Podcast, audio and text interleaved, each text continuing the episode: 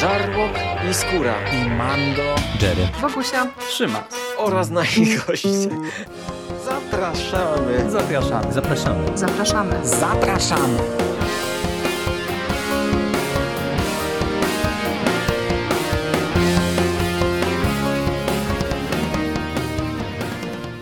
Witamy Was wszystkich bardzo serdecznie w kolejnym odcinku konglomeratu podcastowego. Z tej strony Michał Rakowicz, czyli Jerry. I jest ze mną dzisiaj Rafał Siciński, czyli Sik. Cześć Siku. Cześć Jerry. Dobry wieczór, dzień dobry, słuchaczki, słuchacze. Witam Cię po bardzo długiej przerwie. W sumie w takim składzie e, sporo czasu e, upłynęło od naszego e, ostatniego nagrania. Dawno nie nagrywaliśmy. A wracamy do serii, która no, jeszcze chyba dawniej ostatni odcinek wydała, bo mm, powracamy do tematu Marvel Wastelanders, czyli serii podcastowej którą omawialiśmy w 2022 roku. E, straszliwie ten czas leci, bo ja byłem przekonany, że to nie było aż tak dawno, ale, ale jednak. E, I ale powracamy, było. ale było, tak, dokładnie. E, niestety nie chcę być inaczej. I powracamy, aby omówić sezon piąty tej produkcji. Co istotne, sezon, który jako pierwszy słuchaliśmy premierowo w tym 2020 tak. roku, bo mm, e, my e, ostatni odcinek tej serii, który się ukazał nagrywaliśmy w październiku 2022 roku i właśnie wtedy Doom e, leciał i to była seria podcastowa, którą my zakładaliśmy, która, o której my zakładaliśmy, że będzie wielkim finałem Wastelanders. Jak się okazało, byliśmy mm, w mylnym błędzie, bo tak naprawdę Doom e, okazał się być e, sezonem piątym, a e, na sam koniec zamiast wielkiego finału samej serii, to dostaliśmy wielki crossover i Marvel, Marvel's Wastelanders Avengers dostaliśmy i, i o nich też myślę, że sobie za czas jakiś porozmawiamy. Ale zapytam Cię, Siku, e, najpierw e, o e, Twoje podejście właśnie do tej serii, bo jeżeli dobrze kojarzę, to właśnie my chyba wspólnie zakładaliśmy, że to będzie jakiś finał. Czy Ciebie to zaskoczyło, tak. w jakim kierunku właśnie ta konkretna seria poszła. No bo my też zaczynaliśmy z bardzo wysokiego C, strasznie nam się podobał Star-Lord, a te późniejsze sezony, no to już tak różnie bywało. Niektóre elementy lepiej, niektóre gorzej, no a tutaj e, teoretycznie zmieniamy stronę, nie? bo do tej pory mieliśmy właśnie mm, byłych członków e, Avengers e, i wokół nich te sezony były osnute, a tutaj wiodącą postacią jest Doom, Chociaż jak się okazuje też nie do końca. Wiesz co, po pierwsze dobrze nam, znaczy mnie przynajmniej, dobrze zrobiło to ponad półtora roku przerwy, bo ja przesłuchałem Duma, słuchałem premierowo i, i chyba przeze mnie nie nagraliśmy e, wtedy tego podcastu, bo mi się strasznie nie podobał, ja w ogóle nie wiedziałem, czy jest sens w ogóle o tym rozmawiać. Nie wiem nawet, nie, nawet wiesz, jak teraz sobie odsłuchałem tego, z takim nastawieniem, że już sobie porozmawialiśmy i powiedziałeś mi, że daj temu szansę, że trzeba do, do tego wrócić, że, że warto, no to wiesz, jakoś tak bardziej pozytywnie podszedłem i jako całość mi się lepiej podobało. Bardziej. Ale ten premierowe słuchanie, no to dla mnie to było żenujące.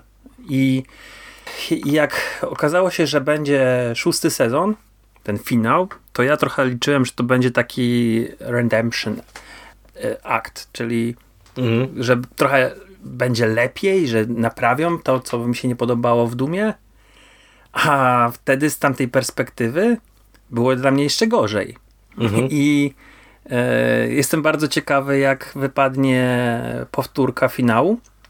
Natomiast wiesz co? Ja nie znam postaci Duma. Znam go okazjonalnie z, z lektury mm, komiksów, których już nie pamiętam. I i nie umiem ci odpowiedzieć na pytanie, czy to jest dobrze, że na tym nie, nie skończyli, bo wiesz, yy, fajnie by było, gdyby się rzeczywiście w tym dumie zawiązały już te wszystkie wątki i mhm. żebyśmy mieli drużynę, która walczy przeciwko wielkiemu złolowi i to byłoby fajne zakończenie. Natomiast wiemy, jak będzie to wyglądało, a przynajmniej tak ja trochę pamiętam, jak, jak to wyglądało później i nie, nie do końca też uważam, że yy, źle, że tego nie, nie zrobili teraz, a, a zrobią to później. Nie jest do końca jakimś taką wielką przewiną twórców, że wydłużyli to, bo tutaj w tym Marvel's Wastelanders Doom trochę mamy rozbudowanego tego Duma, trochę mamy e, wprowadzonych postaci, które były w komiksie Millara, bo wraca nam Kingpin. O ile dobrze kojarzę, Kingpina tak. chyba tam nie było jakoś szalenie, ale był Hulk i była She-Hulk i był Amadeusz Cho, a, tak, a przynajmniej tak, może nie, nie bezpośrednio byli e, pokazani, ale na pewno było tam w jakiś tam sposób za, za, zaznaczone, że Hulk zmutował, jest rodziną kanibali, e, tworzy tam jakiś tam klan kanibali i, i rządzą twardą pięścią na pustkowiach. W związku z czym ten, ten wątki znane nam z, z komiksu zostały wyciągnięte tutaj, rozbudowane. I nie jest to zły pomysł. Znowu to jest takie e, fajne E, fajny powrót, nie? Bo tak mhm. sobie możemy by powiedzieć, że to jest, to jest fajny powrót do materiału źródłowego, jakieś tam rozbudowanie go. Oczywiście wiemy, że ta historia zupełnie inaczej się potoczyła w komiksie, ale yy, jako, jako jakoś tam alternatywna historia to uważam, że jest niezła. W sumie poruszyłeś kilka wątków, e, do których bym się chciał odnieść i zacznę może od tego ostatniego, czyli tej rozbudowy wątków z komiksu Millara. Moim zdaniem to jest e, kolejny wątek, który jest zrobiony w słuchowisku lepiej, bo dla mnie ten ruch Milara z tym klanem Hulków jako rodziną kanibalów, e, redneków takich po prostu Marvelowych e, to był po prostu poniżej pasa. Nie? To jakbym miał 12 lat, to by mi się to pewnie podobało, ale no już nie mam 12 lat i uważałem, że to jest po prostu szczeniackie edgy tylko i wyłącznie po to, żeby szokować i nic za tym nie idzie. A tutaj e, e, ten wątek e, właśnie Halków i tego, co się z nimi stało, moim zdaniem jest bardzo fajnie poprowadzony w kontekście tego, że my tutaj dostajemy ciekawą podbudowę tego wątku i ciekawe splecenie wątku Halka, Halków z Dumem. I, tak. i to, to jest naprawdę interesująco e, poprowadzone, bo w tym momencie my jako słuchacze jesteśmy w stanie zrozumieć i nawet powiedziałbym może trochę współczuć e, Halkowi i, i jego przyszywanej rodzince, tego co się z nimi stało, jeżeli my wiemy co do tego wszystkiego doprowadziło. Mm, a nie tak jak to było u Milara, że po prostu no, nagle Hulk jest złolem i, i, i, tak. i tyle, nie? To prawda. Mm, natomiast e, ty wspomniałeś, że e, miałeś potężny problem z tym sezonem na początku. Ja miałem mniejszy, natomiast ja miałem problem, jak słuchałem tego tak tydzień po tygodniu, to nie mogłem się wbić w ten sezon, ale to wynikało właśnie z tego, że ja zakładałem, że my tutaj od razu wiesz, do, doprowadzimy mm, do spotkania e, tych byłych Avengersów i coś się zacznie dziać w kontekście jakiejś konkluzji. A tutaj, wiesz, mija jeden odcinek, drugi odcinek, trzeci odcinek i nic się nie dzieje, nie? W sensie, no mamy oczywiście historię Duma, mamy wprowadzoną Valerię Richards, która mm, jest tak naprawdę tutaj równorzędną postacią, a y, w kontekście tego wielkiego finału to jest kluczową postacią tak naprawdę. Mm, I no to było dla mnie niezrozumiałe, no bo mówię, zakładałem, może po prostu błędnie, a może jednak twórcy trochę nas wszystkich wprowadzili w błąd, że to jest właśnie mm, finał, no i oczekiwałem finału. Natomiast w momencie, kiedy mi to kliknęło, że to nie będzie żaden finał, tylko po prostu to jest e, historia o e, dumie, to przyznam się, że e, bawiłem się bardzo dobrze, bo mam wrażenie, że tutaj trochę wróciło mm, takiej magii, którą ja czułem na przykład w Starlordzie, mm, czyli dobrze prowadzonych dialogów, fajnie rozrysowanych relacji pomiędzy postaciami, e, dobrze, dobrego grania tą warstwą e, audio i w sumie prostą, taką no pomimo tej dużej skali, no bo tam nawet przecież jesteśmy w strefie negatywnej w którymś momencie, pomimo tej dużej skali mam wrażenie taką wręcz przyziemną historię. Ale z twistami. I to mi się strasznie z podobało. z różnymi, różnymi z podprowadzeniami, tak. myleniem tropów. Yy, tak, tutaj trzeba przyznać, że historia jest fajnie napisana. I ja się zgadzam z tym, co powiedziałeś. Lepiej twórcy słuchowiska rozegrali to niż Millar. Z tym, że yy, Millar sobie wymyślił jakąś tam jakiegoś tam antagonistę w roli Hulka. Tutaj e, wiemy, że za tragedią Hulka stoi Doom, który zrzucił na niego bombę atomową. I, i ta tragedia, znaczy ja, ja jakoś tam bardzo z nimi nie mm, nie empatyzowałem. Nie empatyzowałeś, ale, tak? Ale znowu w komiksie Millara ja czułem większe emocje co do Hulków. E, czułem niechęć taką. Tutaj oni, oni są po prostu mhm. dla mnie. I jest tam mhm końcowa konfrontacja między Dumem a Hulkiem, a ja w komiksie Millara czułem autentycznie e, obrzydzenie do nich.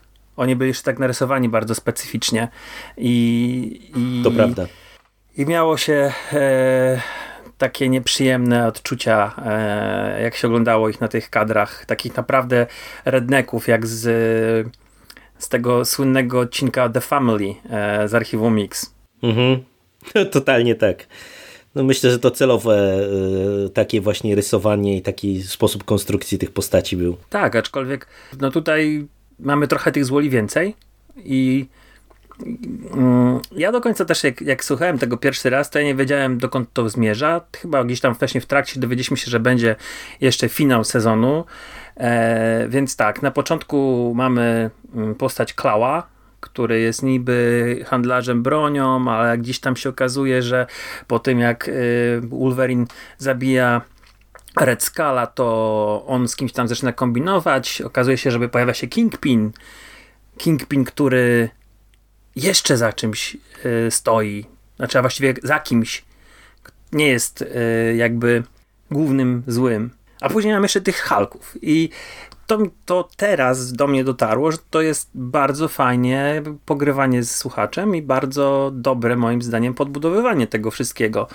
Takie mnożenie przeszkód, jednocześnie pokazanie, że w tym świecie ciągle między złymi panuje pewnego rodzaju walka, walka o wpływy, walka o terytorium, walka o, o przywództwo. No teraz jeszcze podbite, no bo już wszyscy wiedzą, że E, został ten wyłom wykonany, tak. nie? Red Skull jest zmieciony z planszy, więc każdy chce mieć trochę większy kawałek tortu. Dokładnie. Nie? Tak, tak. I to, to co mówisz właśnie, to, to rozpisanie w kontekście tych różnych twistów y, jest bardzo y, fajnie tutaj poprowadzone, bo to jest też wielokrotnie zaskakujące, ale ja ci powiem, że moim zdaniem to, co jest takim highlightem tego sezonu i to, co powoduje, że właśnie te wszystkie twisty u mnie działały i to, że no w ogóle ta historia mnie wciągnęła, to jest rozpisanie relacji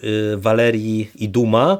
I, i w ogóle takie stworzenie takiej dysfunkcyjnej rodziny, gdzie mamy Duma i mamy te, tą korę tego robota, którego y, mogą słuchacze pamiętać z pierwszego sezonu, ze Starlorda, czyli tam... No zresztą w pewnym momencie też myślisz, że Kora będzie tym antagonistą głównym, Dokładnie nie? tak. Też, też można takie podejrzenia wysnuć, a z drugiej strony mamy Walerię i y, Johnego, y, jakiegoś zwykłego człowieka, y, barmana, który po prostu w którymś momencie się zaczął przy niej pałętać.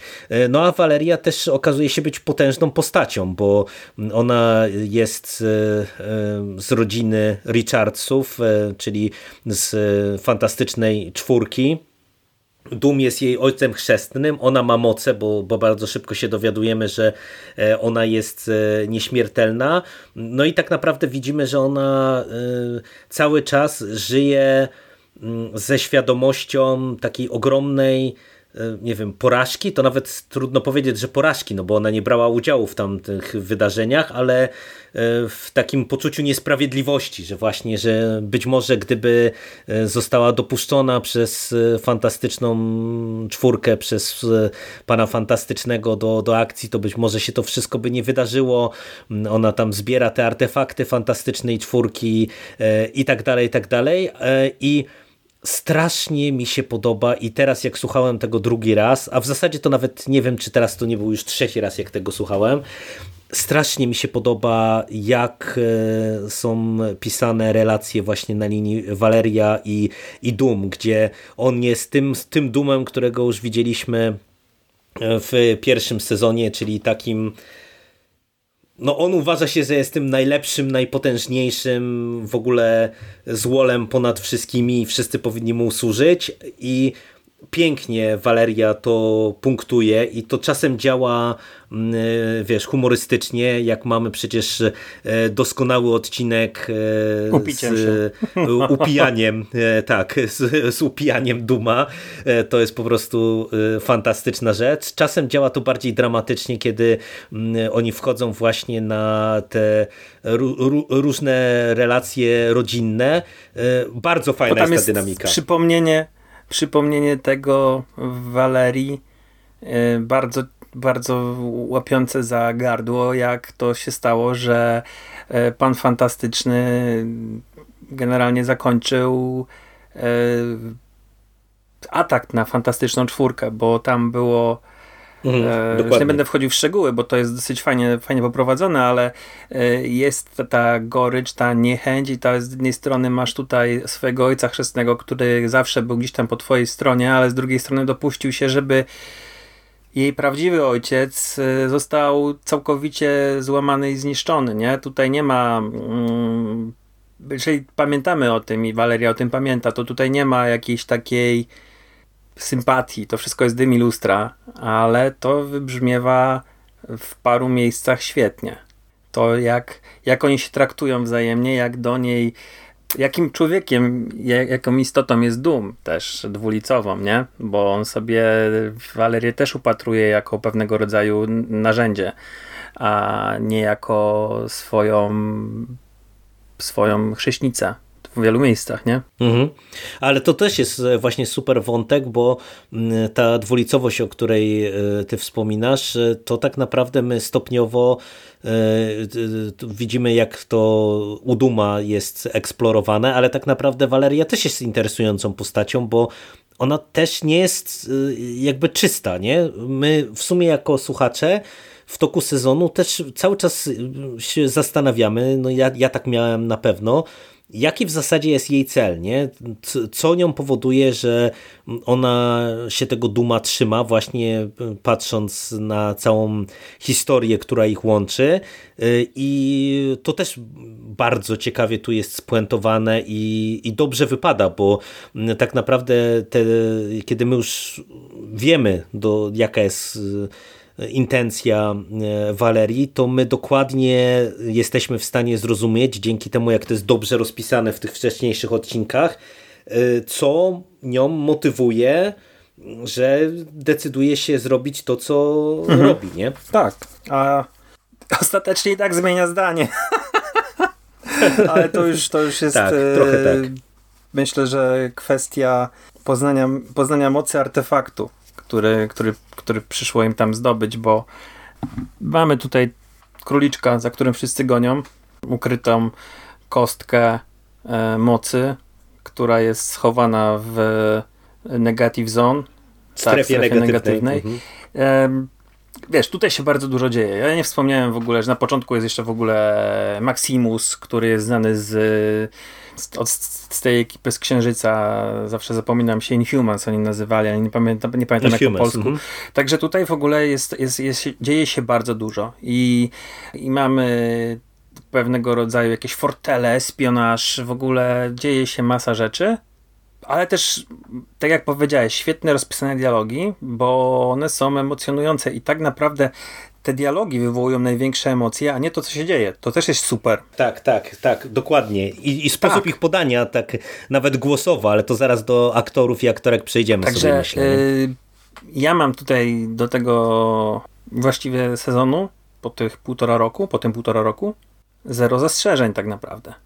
Może jedno minimalne, dotyczące postaci Johnego, bo mhm. no bo uważam, że y, pewne rzeczy tutaj z tą postacią stały się dla mnie y, w ocenie ostatecznej niepotrzebne, ale to nie będę zdradzał słuchaczom.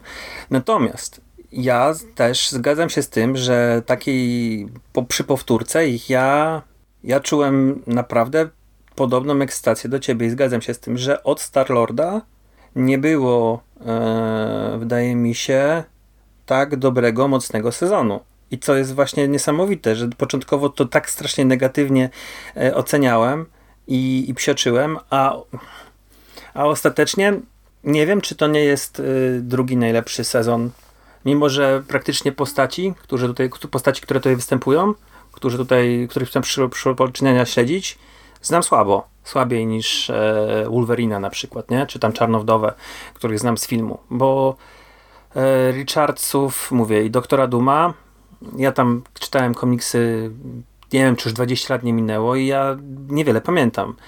Także tutaj wracamy na naprawdę wysoki poziom, jeżeli chodzi o, o wszystko, o, o, o scenopisarstwo, o aktorstwo, o dialogi, napięcie. No mi się wydaje, że po prostu tutaj zadziałało właśnie to, co działało tak dobrze w Star-Lordzie, czyli mm, mieszanka humoru, dynamiki, chemii pomiędzy postaciami. Tak. Przecież wiesz, e, tutaj ile jest nawet takiego stricte komediowego złota, nie? Te przekomarzanki Johnego z Korą albo e, w ogóle cała postać Kory, nie? To też jest samograj, nie? To my, ją, my chwaliliśmy tę postać w tym sezonie ze Star-Lordem, ale tutaj zestawiona z Dumem, ona też jest świetna, bo ona tam punktowała egocentryzm i wybujałe właśnie mniemanie o sobie Starlorda, równając go do ziemi, a tutaj y, działa to w inną stronę.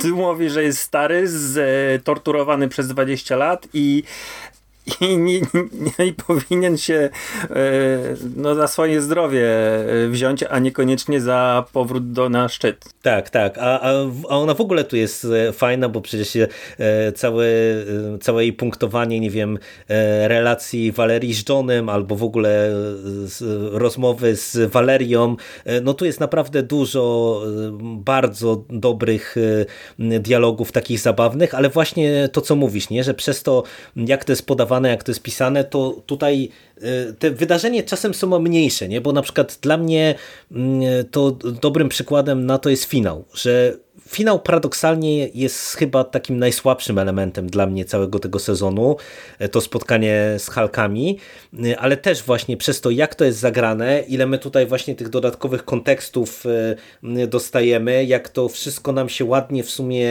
splata w taką układankę sensowną, to, to no mi się tego mhm. słuchało po prostu bardzo dobrze. To co, to przejdźmy sobie do nazwisk może trochę. Aktorów, tak, tak, Bo, bo jest konkretna ekipa e, tutaj. Doktora Duma to kolejny raz mamy Dylana Bakera.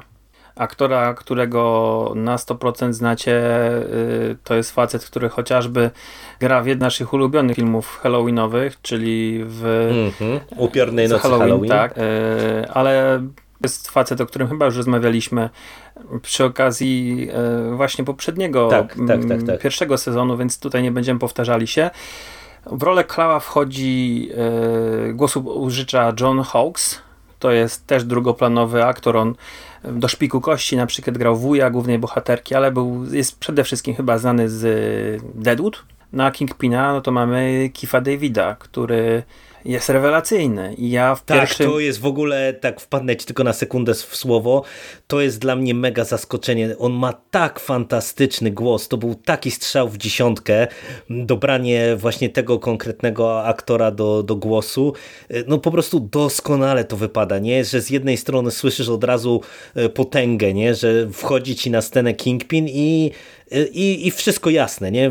Wiesz, że to jest właśnie król zbrodni, ale no doskonale to jest zagrane. Tak, Fantastyczna i wiesz, rola po prostu. E, ja tutaj się w ogóle z Kifem Davidem jest o tyle ciekawie, ja tutaj się muszę jeszcze wtrącić z jedną rzeczą, że e, o nim się myśli jako aktorze właśnie drugoplanowym, który no, grał Carpentera, nie? Mm, bo to przecież i oni żyją i coś, nie? I tutaj sobie my myślimy sobie, o, coś. no to jest mhm. wielki aktor, ale jak sobie y, przejrzysz jego filmografię, to ten facet od wielu, wielu lat jest wykorzystywany jako przede wszystkim aktor głosowy i to odkryli, nie, nie odkryli tego jakoś niedawno, nie? Tam wiesz, powiedzmy mhm. w ostatnich 10 latach tylko ten facet od lat 90.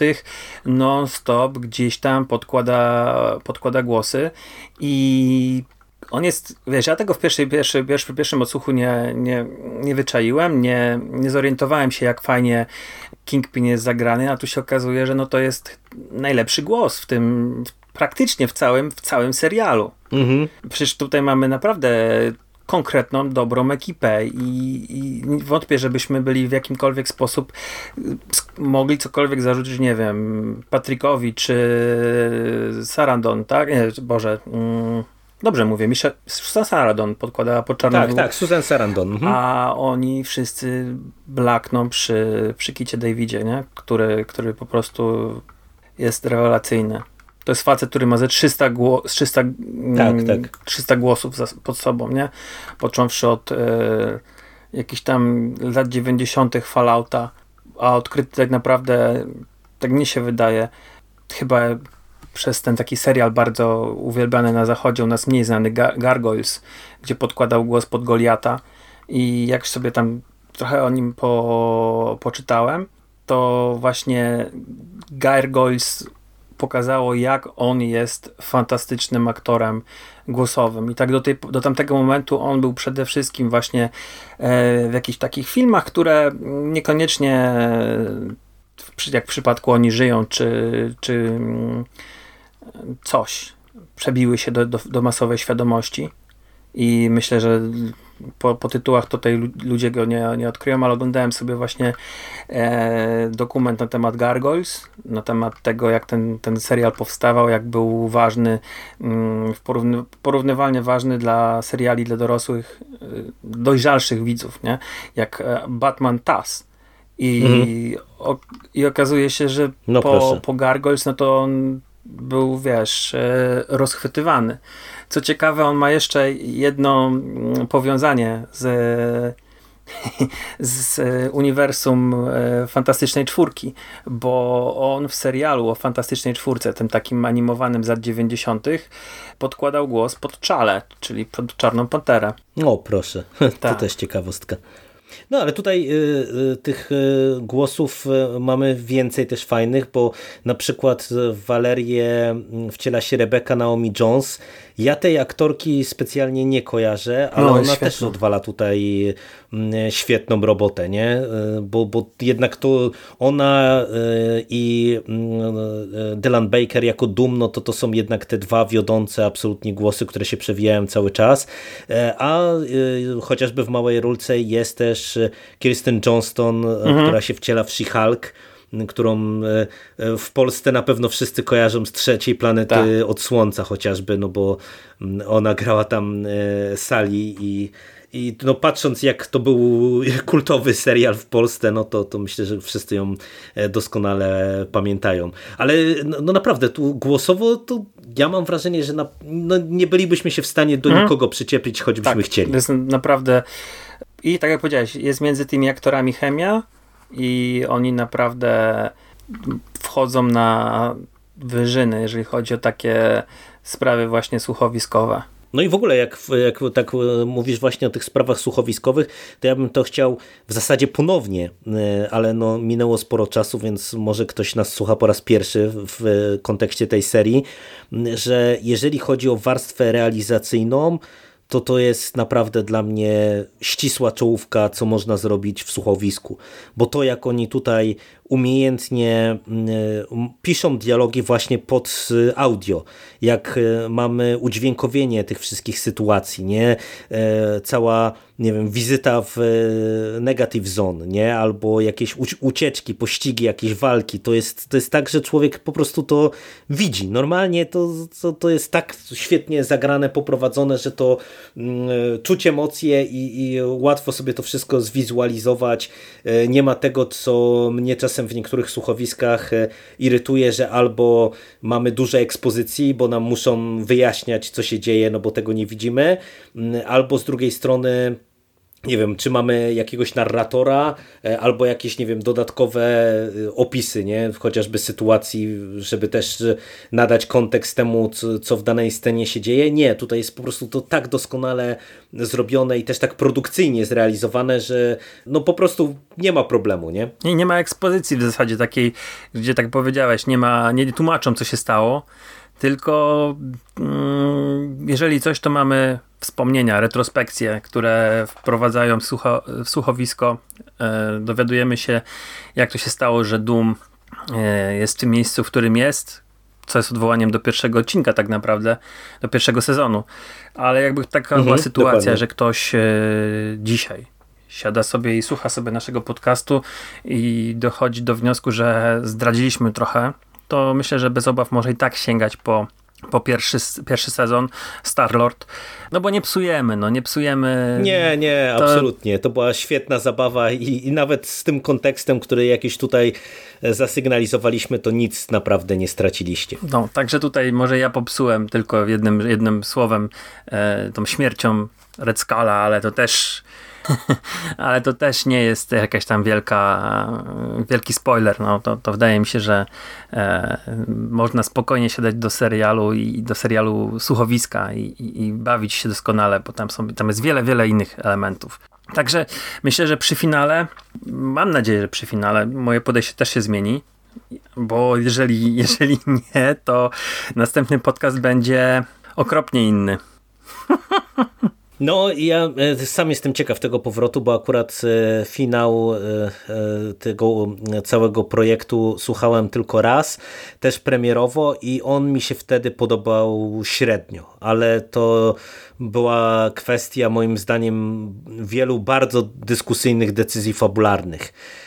I tak jak wiesz, te pięć sezonów, które za nami, z Dumem włącznie, to one były lepsze, gorsze, ale y, po prostu tam co do zasady y, ja raczej nie miałem uwag właśnie takich stricte mm, fabularnych, no a, a pamiętam, że w finale no niestety miałem sporo takich problemów, no ale zobaczymy właśnie, tak jak mówisz, jak y, nie po, na świeżo, tylko, tylko właśnie jak ten powrót nam wejdzie czasem, to może będzie tak jak z tobą i Dumem teraz. Może, nie? może jeszcze tylko powiem, że y, jest y, taka nagroda Ambi, która chyba dotyczy właśnie y, rzeczy związanych z, no, z produkcjami. Mhm.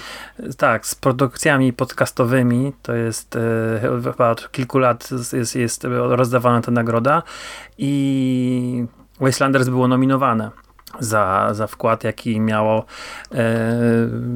do, do, do technicznych rzeczy, tak, że naprawdę doceniono bardzo wysoki poziom tej produkcji. Nie wiem, czy chyba nie wygrała, Co, coś, coś inny zgarnął, Braska chyba wygrała, ale i tak, i tak e, no warto wspomnieć, że Wastelanders nie tylko my doceniamy, tak. ale gdzieś tam jakieś, jakieś grono specjalistów z USA, y, które pochyla się nad tymi wszystkimi setkami, jak nie tysiącami produkcji, no też pochyliło się na Wastelanders. No dobra, Siku, e, to e, za dzisiejszą rozmowę dziękuję no również. bardzo. W sumie cieszę się, że ci e, lepiej weszło to słuchowisko no. po tej ponadrocznej przerwie. Ja też się cieszę, bo zmiło mi niesmak, to jest, to jest ważne. To, to, to może się wydawać śmieszne, ale e, jeżeli lubisz coś przez 4, 40 odcinków i nagle przestajesz coś lubić i to tak kategorycznie mówisz, że nie, to jest straszne G, to, to się trochę przykro robi, nie? że poświęciłeś się ileś tam czasu, a, mhm. a, a, jednak to nie, nie, nie, nie, nie złapało. Ale, e, ale fajnie było wrócić i fajnie było zweryfikować i, i dobrze cieszę się bardzo, że e, znowu mi się ten, ten serial podobał i, i, i lubię 50 odcinków z 60. No to e, zobaczymy, spotkamy się mam nadzieję wkrótce, już nie po znoworocznej przerwie przy okazji wielkiego finału i e, zweryfikujemy Mhm. swoją opinię. A ja za dzisiejszą rozmowę jeszcze raz dzięki, trzymaj się, cześć. Dzięki. Cześć.